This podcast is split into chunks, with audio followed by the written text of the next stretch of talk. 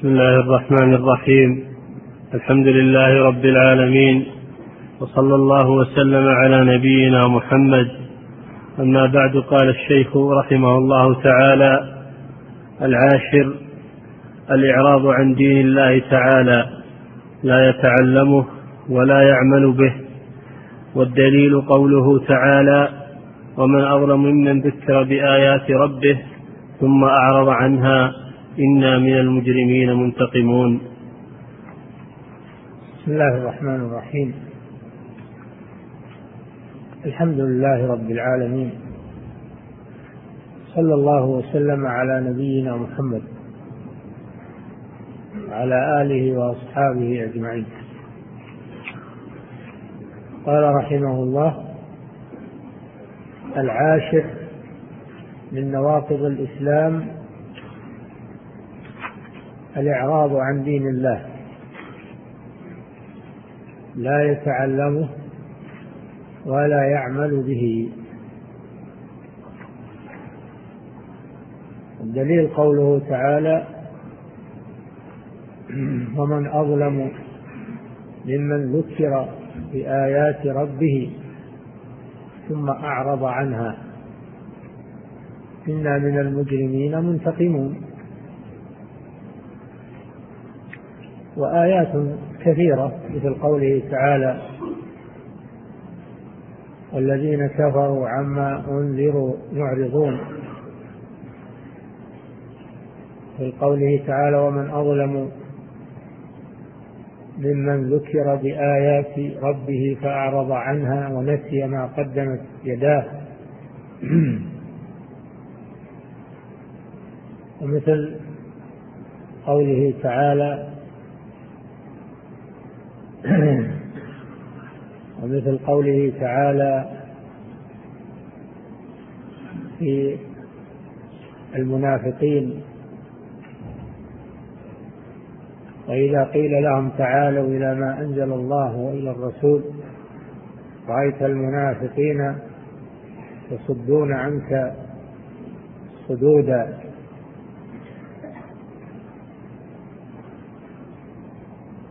إلى غير ذلك ومثل قوله تعالى ومن يعش عن ذكر الرحمن قيض له شيطانا فهو له قرين. مثل قوله تعالى ومن يعرض عن ذكر ربه يسلكه عذابا صعدا. ومثل قوله تعالى مثل قوله تعالى ومن أظلم ممن ذكر بآيات ربه. ومثل قوله تعالى فإما يأتينكم مني هدى فمن اتبع هداي فلا يضل ولا يشقى ومن أعرض عن ذكري فإن له معيشة ضنكا ونحشره يوم القيامة أعمى. قال رب لم حشرتني أعمى وقد كنت بصيرا. إلى غير ذلك من الآيات مثل قوله تعالى وإذا ما أنزلت سورة نظر بعضهم إلى بعض هل يراكم من أحد؟ ثم انصرفوا. صرف الله قلوبهم. قوله تعالى لا تجعلوا دعاء الرسول بينكم كدعاء بعضكم بعضا. قد يعلم الله الذين يتسللون منكم لواذا. ليحذر الذين يخالفون عن أمره. تصيبهم فتنة أو يصيبهم عذاب أليم. الله سبحانه وتعالى حذر في هذه الآيات من الإعراض عن ذكره. وهو القرآن والسنة وعدم تعلمهما وعدم العمل بهما بأنواع من الوعيد. وإلى جانب ذلك فإن الله سبحانه وتعالى رغب في تعلم العلم النافع. والنبي صلى الله عليه وسلم رغب في تعلم العلم النافع والعمل به. قال الله سبحانه وتعالى وما كان المؤمنون لينفروا كافة فلولا نفر من كل فرقة منهم طائفة ليتفقهوا في الدين ولينذروا قومهم إذا رجعوا إليهم لعلهم يحذرون. وقال النبي صلى الله عليه وسلم من يرد الله به خيرا يفقهه في الدين.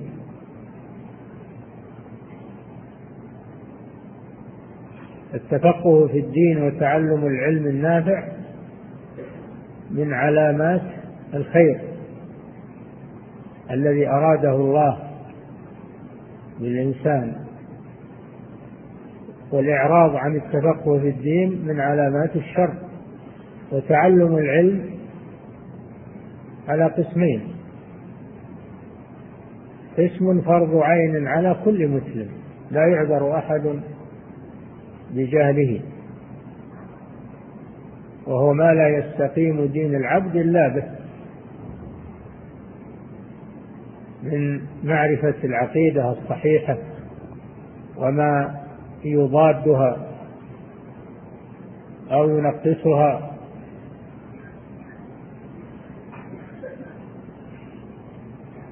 ومعرفة أحكام الصلاة ومعرفة أحكام الزكاة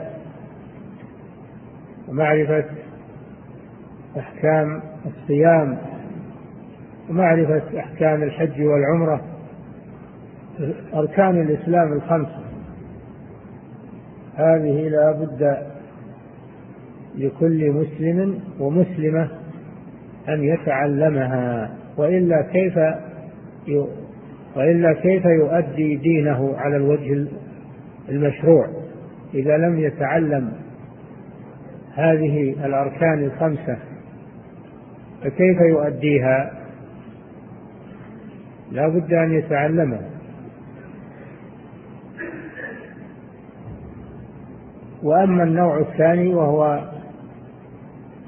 ما تعلمه فرض كفاية هو فرض واجب لكن ما هو على كل مسلم بل على من عنده الاستعداد لذلك. وهو تعلم بقية أبواب العلم من فقه المعاملات وفقه المواريث. وفقه الأنكحة. وفقه الحدود. و غير ذلك. فهذا تعلمه فرض كفاية لا بد من وجوده. لأن الناس بحاجة إليه لكن إذا قام به من يكفي سقط الفرض عن الباقين. وبقي في حق الباقين سنة من أفضل السنن. لأنه قد لا يتسنى لكل أحد أن يتعلم هذه الأبواب من العلم. فلذلك صار تعلمها فرض كفاية على المسلمين. والإعراض عن دين الله الإعراض عن دين الله لا يتعلمه. الإعراض معناه الانصراف عن الشيء مع عدم الرغبة فيه. الانصراف عن الشيء مع عدم الرغبة فيه. هذا هو الإعراض. لا يتعلمه لا يتعلم دينه. رغبة عنه. فهذا يكفر لأنه لا يريد الدين ولا يهتم به. فإذا أعرض عن تعلمه كفر لأن لأن هذا الدليل على أنه لا رغبة له في الدين. وإذا كان لا رغبة له فيه كفر لأنه لو كان له فيه رغبة لتعلمه أو يتعلمه ولكن لا يعمل به.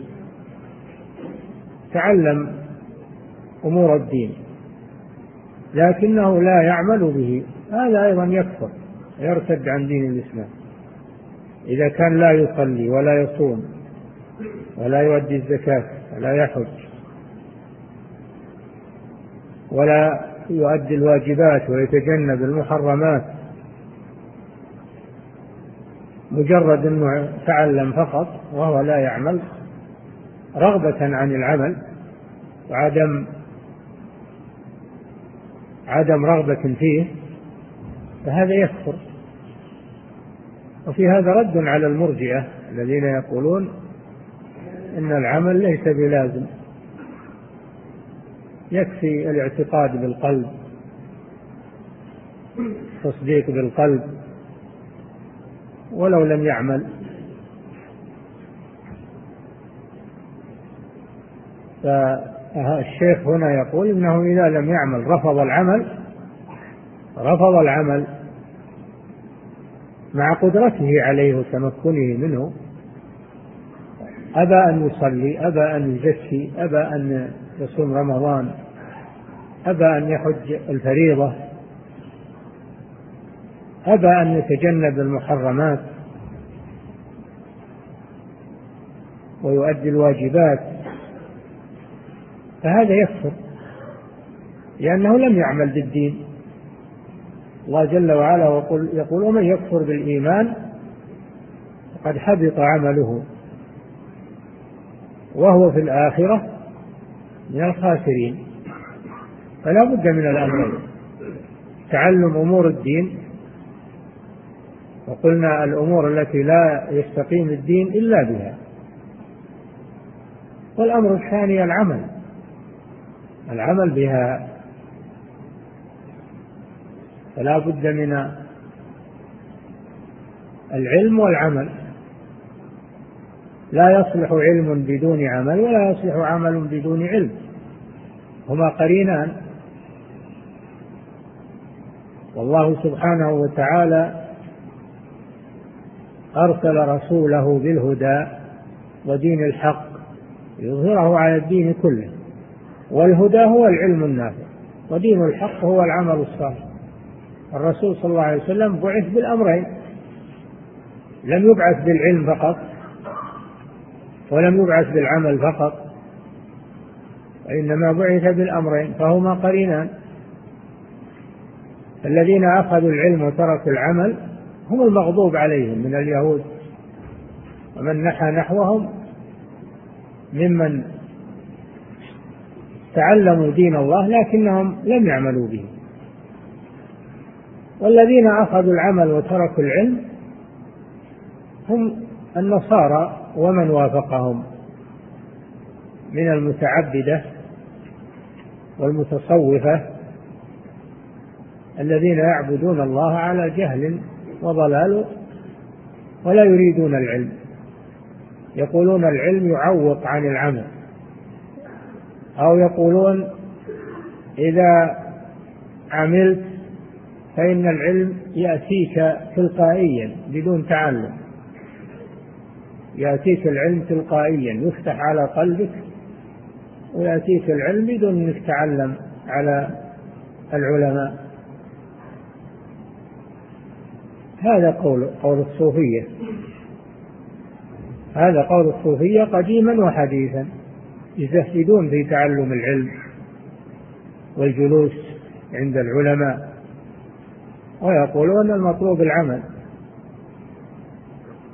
وإذا وإذا عملت وعبدت الله فتح الله عليك العلم بدون أنك تتعلم. وهذا ضلال والعياذ بالله. هذا ضلال. والذي يرفض تعلم العلم الذي يرفض تعلم العلم كافر والذي يرفض العمل بالعلم أيضا كافر الاثنين. ولهذا قال الشيخ رحمه الله الإعراض عن دين الله لا يتعلمه ولا يعمل به. لا يتعلمه أي طريقة الضالين من النصارى والمتصوفة وغيرهم. ولا يعمل به على طريقة اليهود ومن نحى نحوهم من كل عالم لا يعمل بعلمه والمراد من تعلم العلم هو العمل.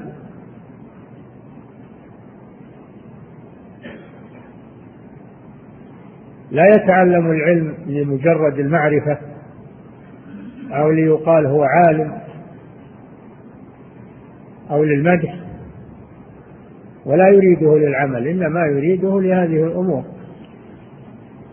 لمجرد المعرفة أو للمدح أو للثناء أو ليرتفع مكانه عند الناس.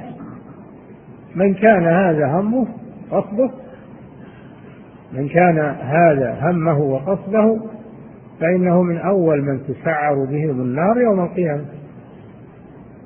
أول من تسعر بهم النار يوم القيامة ثلاثة. مجاهد ومتصدق ومتعلم. مجاهد الذي قتل جاهد وقتل يأتي يوم القيامة فيقول الله له ماذا عملت؟ فيقول يا رب جاهدت فيك حتى قتلت. فيقال له كذب لكنك قاتلت. ليقال هو جريء.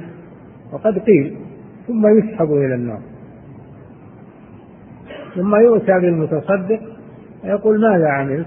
فيقول يا رب ما تركت من سبيل تحب الإنفاق فيها إلا أنفقت فيها. فيقول الله له كذب ولكنك تصدقت يقال هو جواد وقد قيل. ثم يسحب إلى النار.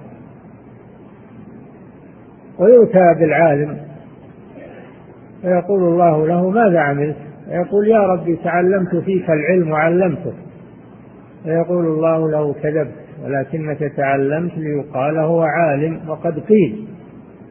فيسحب إلى النار.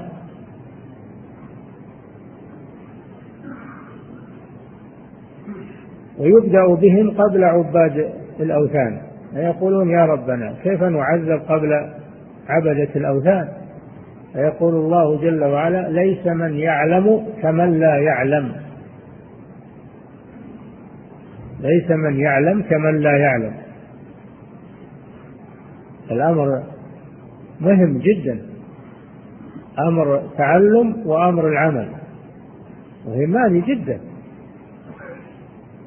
فمن رفض فمن رفضهما رفض تعلم الدين ورفض العمل به أو رفض أحدهما فإنه يكون مرتدا عن دين الإسلام.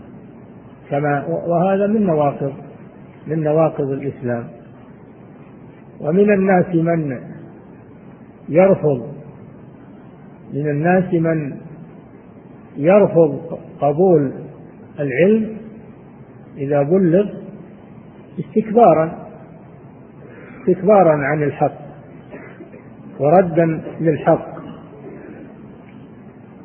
هذا يكون مع المستكبرين والعياذ بالله. هذا من كفر الاستكبار عن الحق. ومن الناس من يرفض تعلم الدين عدم رغبة وإعراض فهذا يكون مع المعرضين. والذين كفروا عما أنذروا معرضون. ومن الناس من يرفض يرفض الدليل ويرفض قبول الحق إذا بين له محافظة على دين آبائه وأجداده وحمية. ولا يقبل الحق. ليبقى على ما هو عليه وما أدرك عليه آباءه وأجداده. كما عليه المشركون قديما وحديثا. الآن الذين يعبدون القبور لا يقبلون حقا ولا يقبلون جدالا فيها. مقتنعون فيها تماما. ولا يقبلون توجيها أو إرشادا. يغلقون أسماعهم عن قبول الحق ويصرون على ما هم عليه. بل ربما يجاهدون دونه يقاتلون دونه ويبذلون أنفسهم دون هذه العقائد الباطلة كما هو حاصل. ولا يقبلون الحق. مهما يسمعون القرآن يسمعون السنة يسمعون النهي عن الشرك والأمر بالتوحيد ولا يلتفتون إلى هذا. معرض معرض عما في القرآن ومصر على ما هو عليه. تتكلم معه وما تتكلم ما في فائدة بل يعتبرك أنت الكافر وأنت الخارجي وأنت وأنت كما يقولونه ويكتبونه وهذا من الإعراض عن الدين الصحيح والرضا بالدين الباطل. هذا من الإعراض عن الدين الصحيح الذي خلقوا من أجله والبقاء وهذا كثير في الناس اليوم. هذا الإعراض موجود موجود في هؤلاء وهم كثير ليسوا قليلا. والذين آمنوا بالباطل وكفروا بالله أولئك هم الخاسرون. هذولا يؤمنون بالباطل ويكفرون بالله. يعبدون غيره ويدعون غيره ويستغيثون بغيره. ويؤمنون بعبادة غير الله ويكفرون بالله. علنا وجهارا. هذا هو الإعراض والعياذ بالله. حمية وأنفة. لما حضرت أبا طالب الوفاة وكان كما تعلمون موقفه من الرسول صلى الله عليه وسلم والدعوة وحماية الرسول وحماية الدعوة لكنه لم لم يدخل في دين الرسول صلى الله عليه وسلم.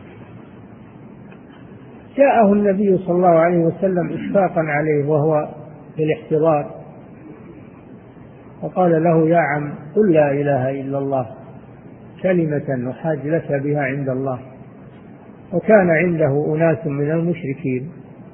قالوا له أترغب عن ملة عبد المطلب؟ عرفوا أنه إذا قال لا إله إلا الله فقد ترك ملة عبد المطلب وهي عبادة الأصنام. فأعاد عليه النبي صلى الله عليه وسلم فأعادوا عليه أترغب عن ملة عبد المطلب؟ فقال هو على ملة عبد المطلب وأبى أن يقول لا إله إلا الله ومات على ذلك. حمية حمية لدين أبي طالب ودين الشرك.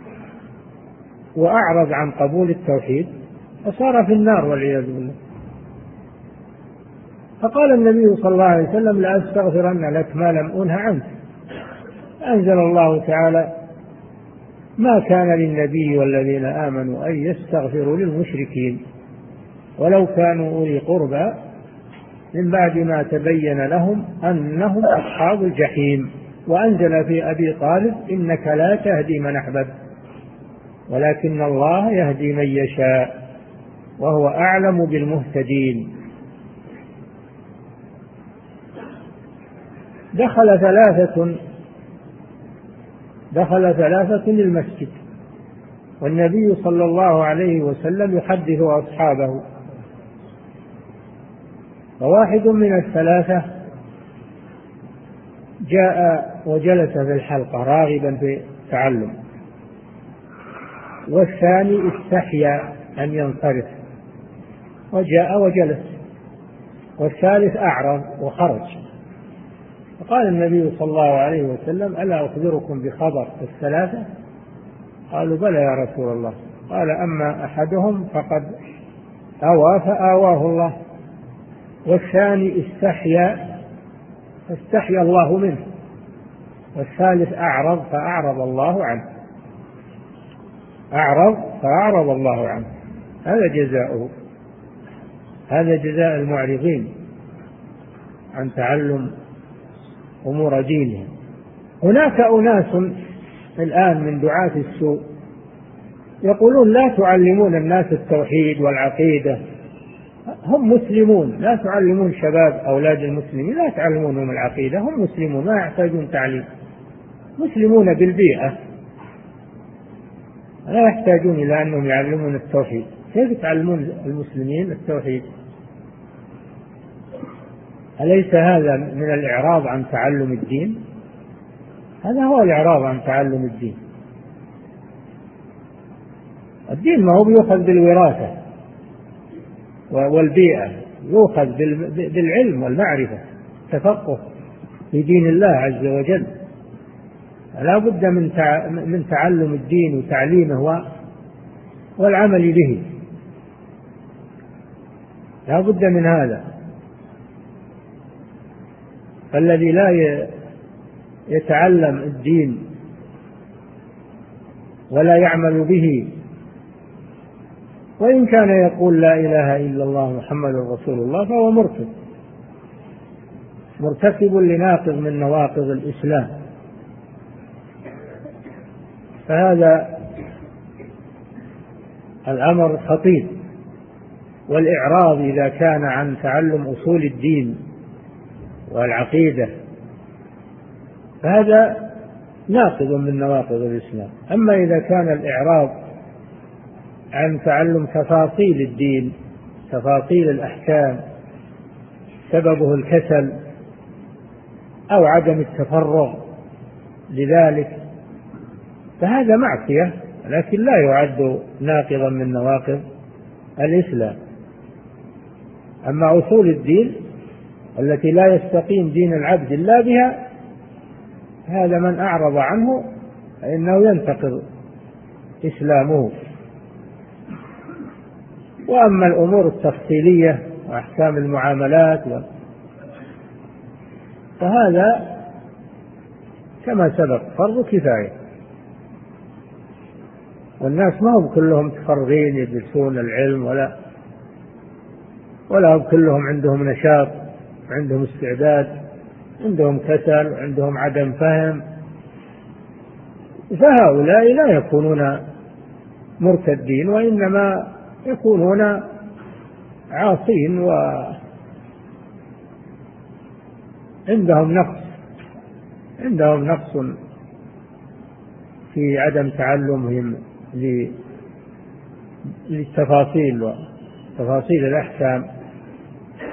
يكونون تاركين لسنة لأن من ترك تعلم العلم الذي تعلمه فرض كفاية يكون تارك لسنة ما هو تارك لواجب عندهم نقص بلا شك لكنهم ليسوا مثل من أعرض عن تعلم أصول الدين وأصول العقيدة التي لا يستقيم دين العبد إلا بها. فيجب أن أن تعرف هذه الأمور وهذه الضوابط في الإعراض. متى يكون كفرا ومتى يكون معصية. وعلى كل حال تعلم العلم لا شك أنه هو الحياة. وهو النور. وهو الذي أمر الله جل وعلا به وأمر به رسوله صلى الله عليه وسلم ورغب فيه. قال صلى الله عليه وسلم وإن الملائكة من سلك طريقا يلتمس به علما سهل الله له به طريقا إلى الجنة. وما اجتمع قوم في بيت من بيوت الله يتلون كتاب الله ويتدارسونه بينهم إلا نزلت عليهم السكينة وغشيتهم الرحمة حفتهم الملائكة وذكرهم الله في من عنده. وقال صلى الله عليه وسلم وإن الملائكة لتضع أجنحتها لطالب العلم رضا بما يصنع. هذا ترغيب في تعلم العلم والإقبال عليه. ليستقيم به دينه ولينتفع به وينفع وينفع غيره.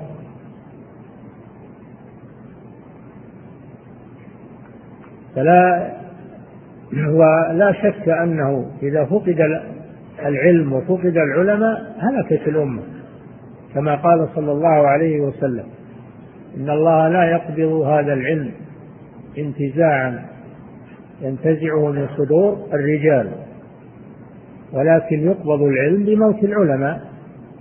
فإذا لم يبق عالم اتخذ الناس رؤوسا جهالا فأفتوا بغير علم فضلوا وأضلوا.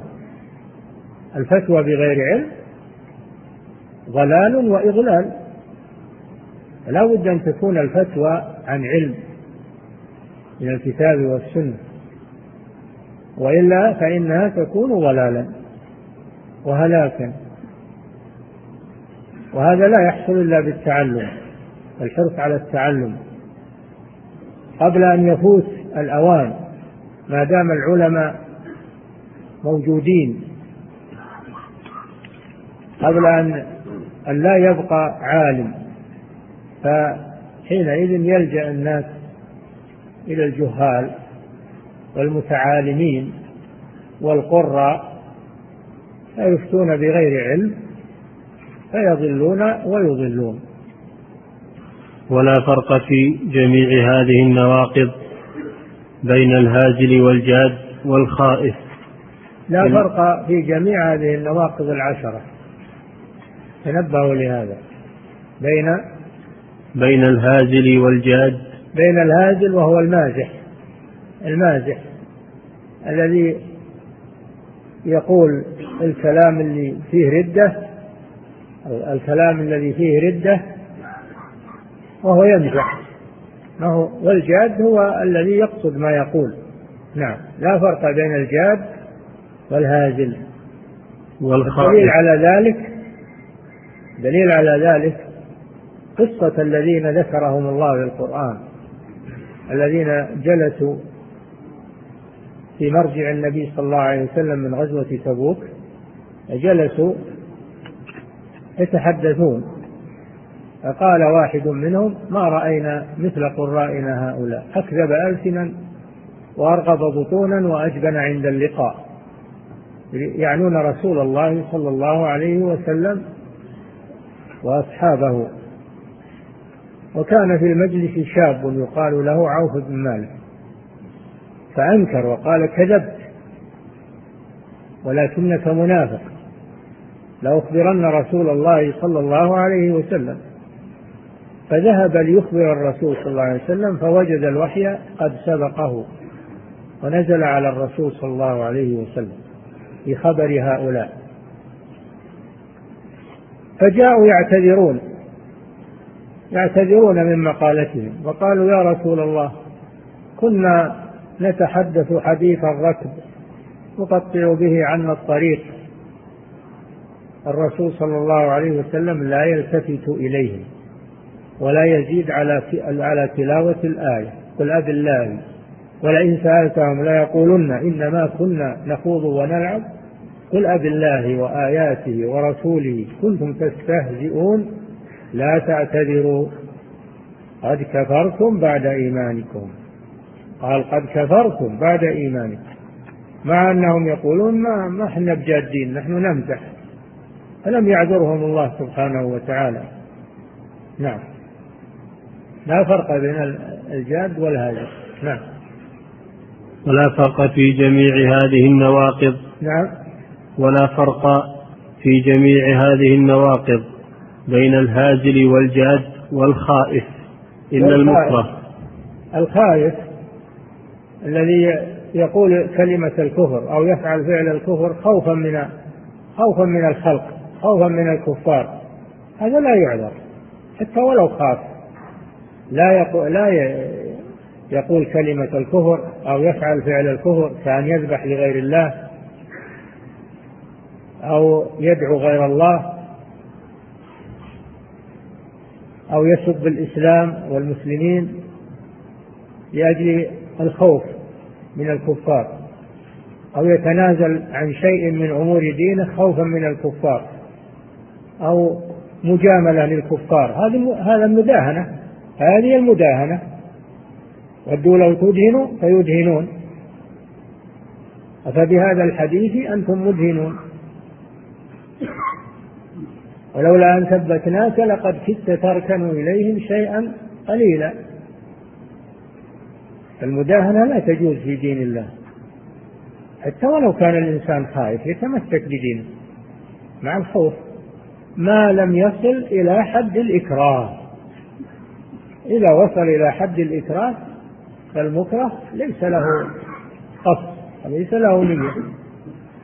يجوز له أن يعطيهم شيئا مما طلبوا ليدفع عنه الإكراه. قال تعالى إلا أن تتقوا منهم تقاتا قال تعالى إلا من أكره وقلبه مطمئن بالإيمان. ولكن من شرح بالكفر صدرا فعليه فعليهم غضب من الله. ف... فلا بد من هذين الشرطين. أولا أن. أو... أو شروط. الشرط الأول أن يكون مكرها. يكون مكرها لا خائفا فقط. ولا مجاملا للكفار. ليحظى عندهم بمنزلة أو ينال منهم منفعة لا يجاملهم في دين الله. الشرط الثاني أن أن أن يكون قلبه مطمئن أن يكون قلبه مطمئنا بالإيمان. إنما يقول بلسانه فقط. يقول بلسانه مع بقاء الإيمان في قلبه.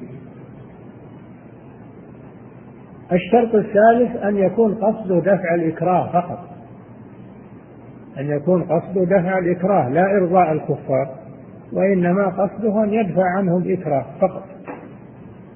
كما حصل لعمار بن ياسر رضي الله عنه الذي هو الذي هو سبب نزول هذه الآية أن الكفار أخذوه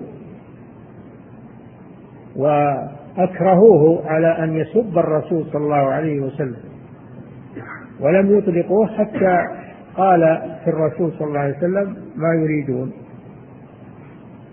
وجاء نادما إلى الرسول صلى الله عليه وسلم فقال كيف تجد قلبك؟ قال مطمئن بالإيمان. قال صلى الله عليه وسلم إن عاد أو من أجل أن أن يرضي الكفار فإنه يكون مداهنا في دين الله. عز وجل. بخلاف بخلاف التقية التي يضطر إليها الإنسان اضطرارا وهي دفع الإكراه فقط. تقول هالكلام ولا يقتلونك؟ الله رخص لك إنك تقول ما يطلبون تخلصا من القتل. وهذا من فضلك. الرجل الذي دخل النار في ذباب. طلبوا منه أن يذبح لغير الله ولم يجد إلا الذباب فذبحه ودخل النار. خلوا سبيله فدخل النار. لا لشيء من أجل أنه يمر مع الطريق. طمع دنيوي نعم. وكلها من أعظم ما يكون خطرا وأكثر ما يكون وقوعا. هذه النواقض العشرة. لماذا اختارها الشيخ؟ مع أن النواقض كثيرة. اختار هذه النواقض أكثر النواقض وقوعا. وقوعا في الناس. ولذلك اختارها. وأشد خطرا. فيه نواقض لكن هذه أشد عشرة لأمرين. أولا أنها من أكثر النواقض وقوعا. أنها أشد النواقض خطرا. فاختارها لهذين الأمرين. نعم. فينبغي للمسلم أن يحذرها ويخاف منها على نفسه. ينبغي معناه يجب. يعني ينبغي معناها يجب. ولا ينبغي يعني يحرم. وما ينبغي للرحمن أن يتخذ ولدا. كلمة لا ينبغي يراد أنها أن الشيء حرام. وينبغي كذا المراد أنه واجب. فينبغي للمسلم أن يجب على المسلم ها. فينبغي للمسلم أن يحذرها. أن يحذرها. ما يزكي نفسه. ما يزكي نفسه. ويقول أنا مسلم والحمد لله وعارف ولا بحاجة إلى تعلمها. في ناس الآن يقولون ما ما الناس ما بحاجة يتعلمونهم التوحيد. الناس مسلمين. الناس مسلمين. علموا التوحيد للناس المشركين واللي أما المسلمين لا تعلمونهم التوحيد. يأمنونهم من الخطر يأمنون المسلمين من الخطر والإنسان ما دام على قيد الحياة فإنه معرض للفتنة. ما دام على قيد الحياة. إبراهيم الخليل الذي كسر الأصنام بيده وألقي في النار من أجل ذلك يقول واجنبني وبني أن نعبد الأصنام. رب إنهن أضللن كثيرا من الناس. فإبراهيم عليه السلام خشي على نفسه من عبادة الأصنام لأن القلوب بين أصبعين من أصابع الرحمن. الإنسان قد يزيغ ويضل بعد هدى. ولا يأمن الإنسان على نفسه من الزيغ والضلال. وإن كان مؤمنا وإن كان عالما كم من عالم ضل وهلك كم من تقي فجر وانتكس. ما دام المسلم على قيد الحياة فإنه لا يأمن على نفسه من الفتن. ولا يقول أنا عندي علم ومعرفة ولا حاجة إني أجلس أتعلم. فينبغي للمسلم أن يحذرها ويخاف منها على نفسه. أي نعم يخاف منها على نفسه ولا يأمن على نفسه. نعوذ بالله من موجبات غضبه وأليم عقابه. نعم ختم رحمه الله هذه الرسالة. بالاستعاذة بالله والاعتصام بالله عز وجل والالتجاء إلى الله من غضبه وأسباب غضبه سبحانه وتعالى. هذا مما يعطي المسلم الخوف من الله عز وجل وأنه لا يأمن على نفسه من الفتن والضلال. ما دام على قيد الحياة. ولهذا يقول ابن مسعود رضي الله عنه من كان مستنا فليستن بمن قد مات فإن الحي لا تؤمن عليه الفتنة. الحي لا تؤمن عليه الفتنة ولو كان من أتقى الناس وأعلم الناس. ما دام على قيد الحياة فهو معرض للفتنة.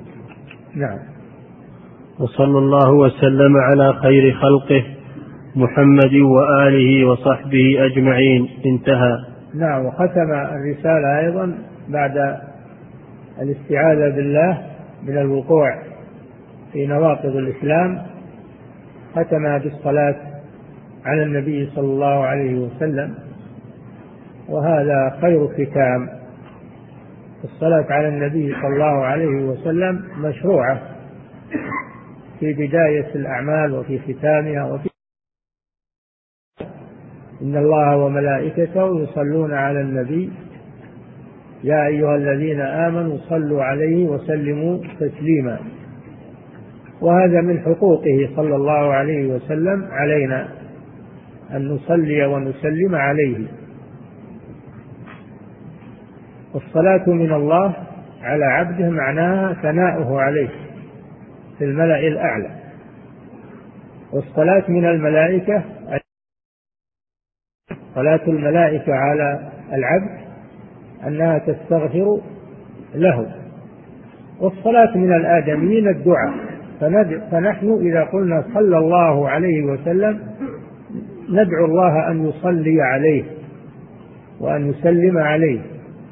ندعو له صلى الله عليه وسلم أن يصلي الله عليه وأن يسلم عليه في الملأ الأعلى. نعم.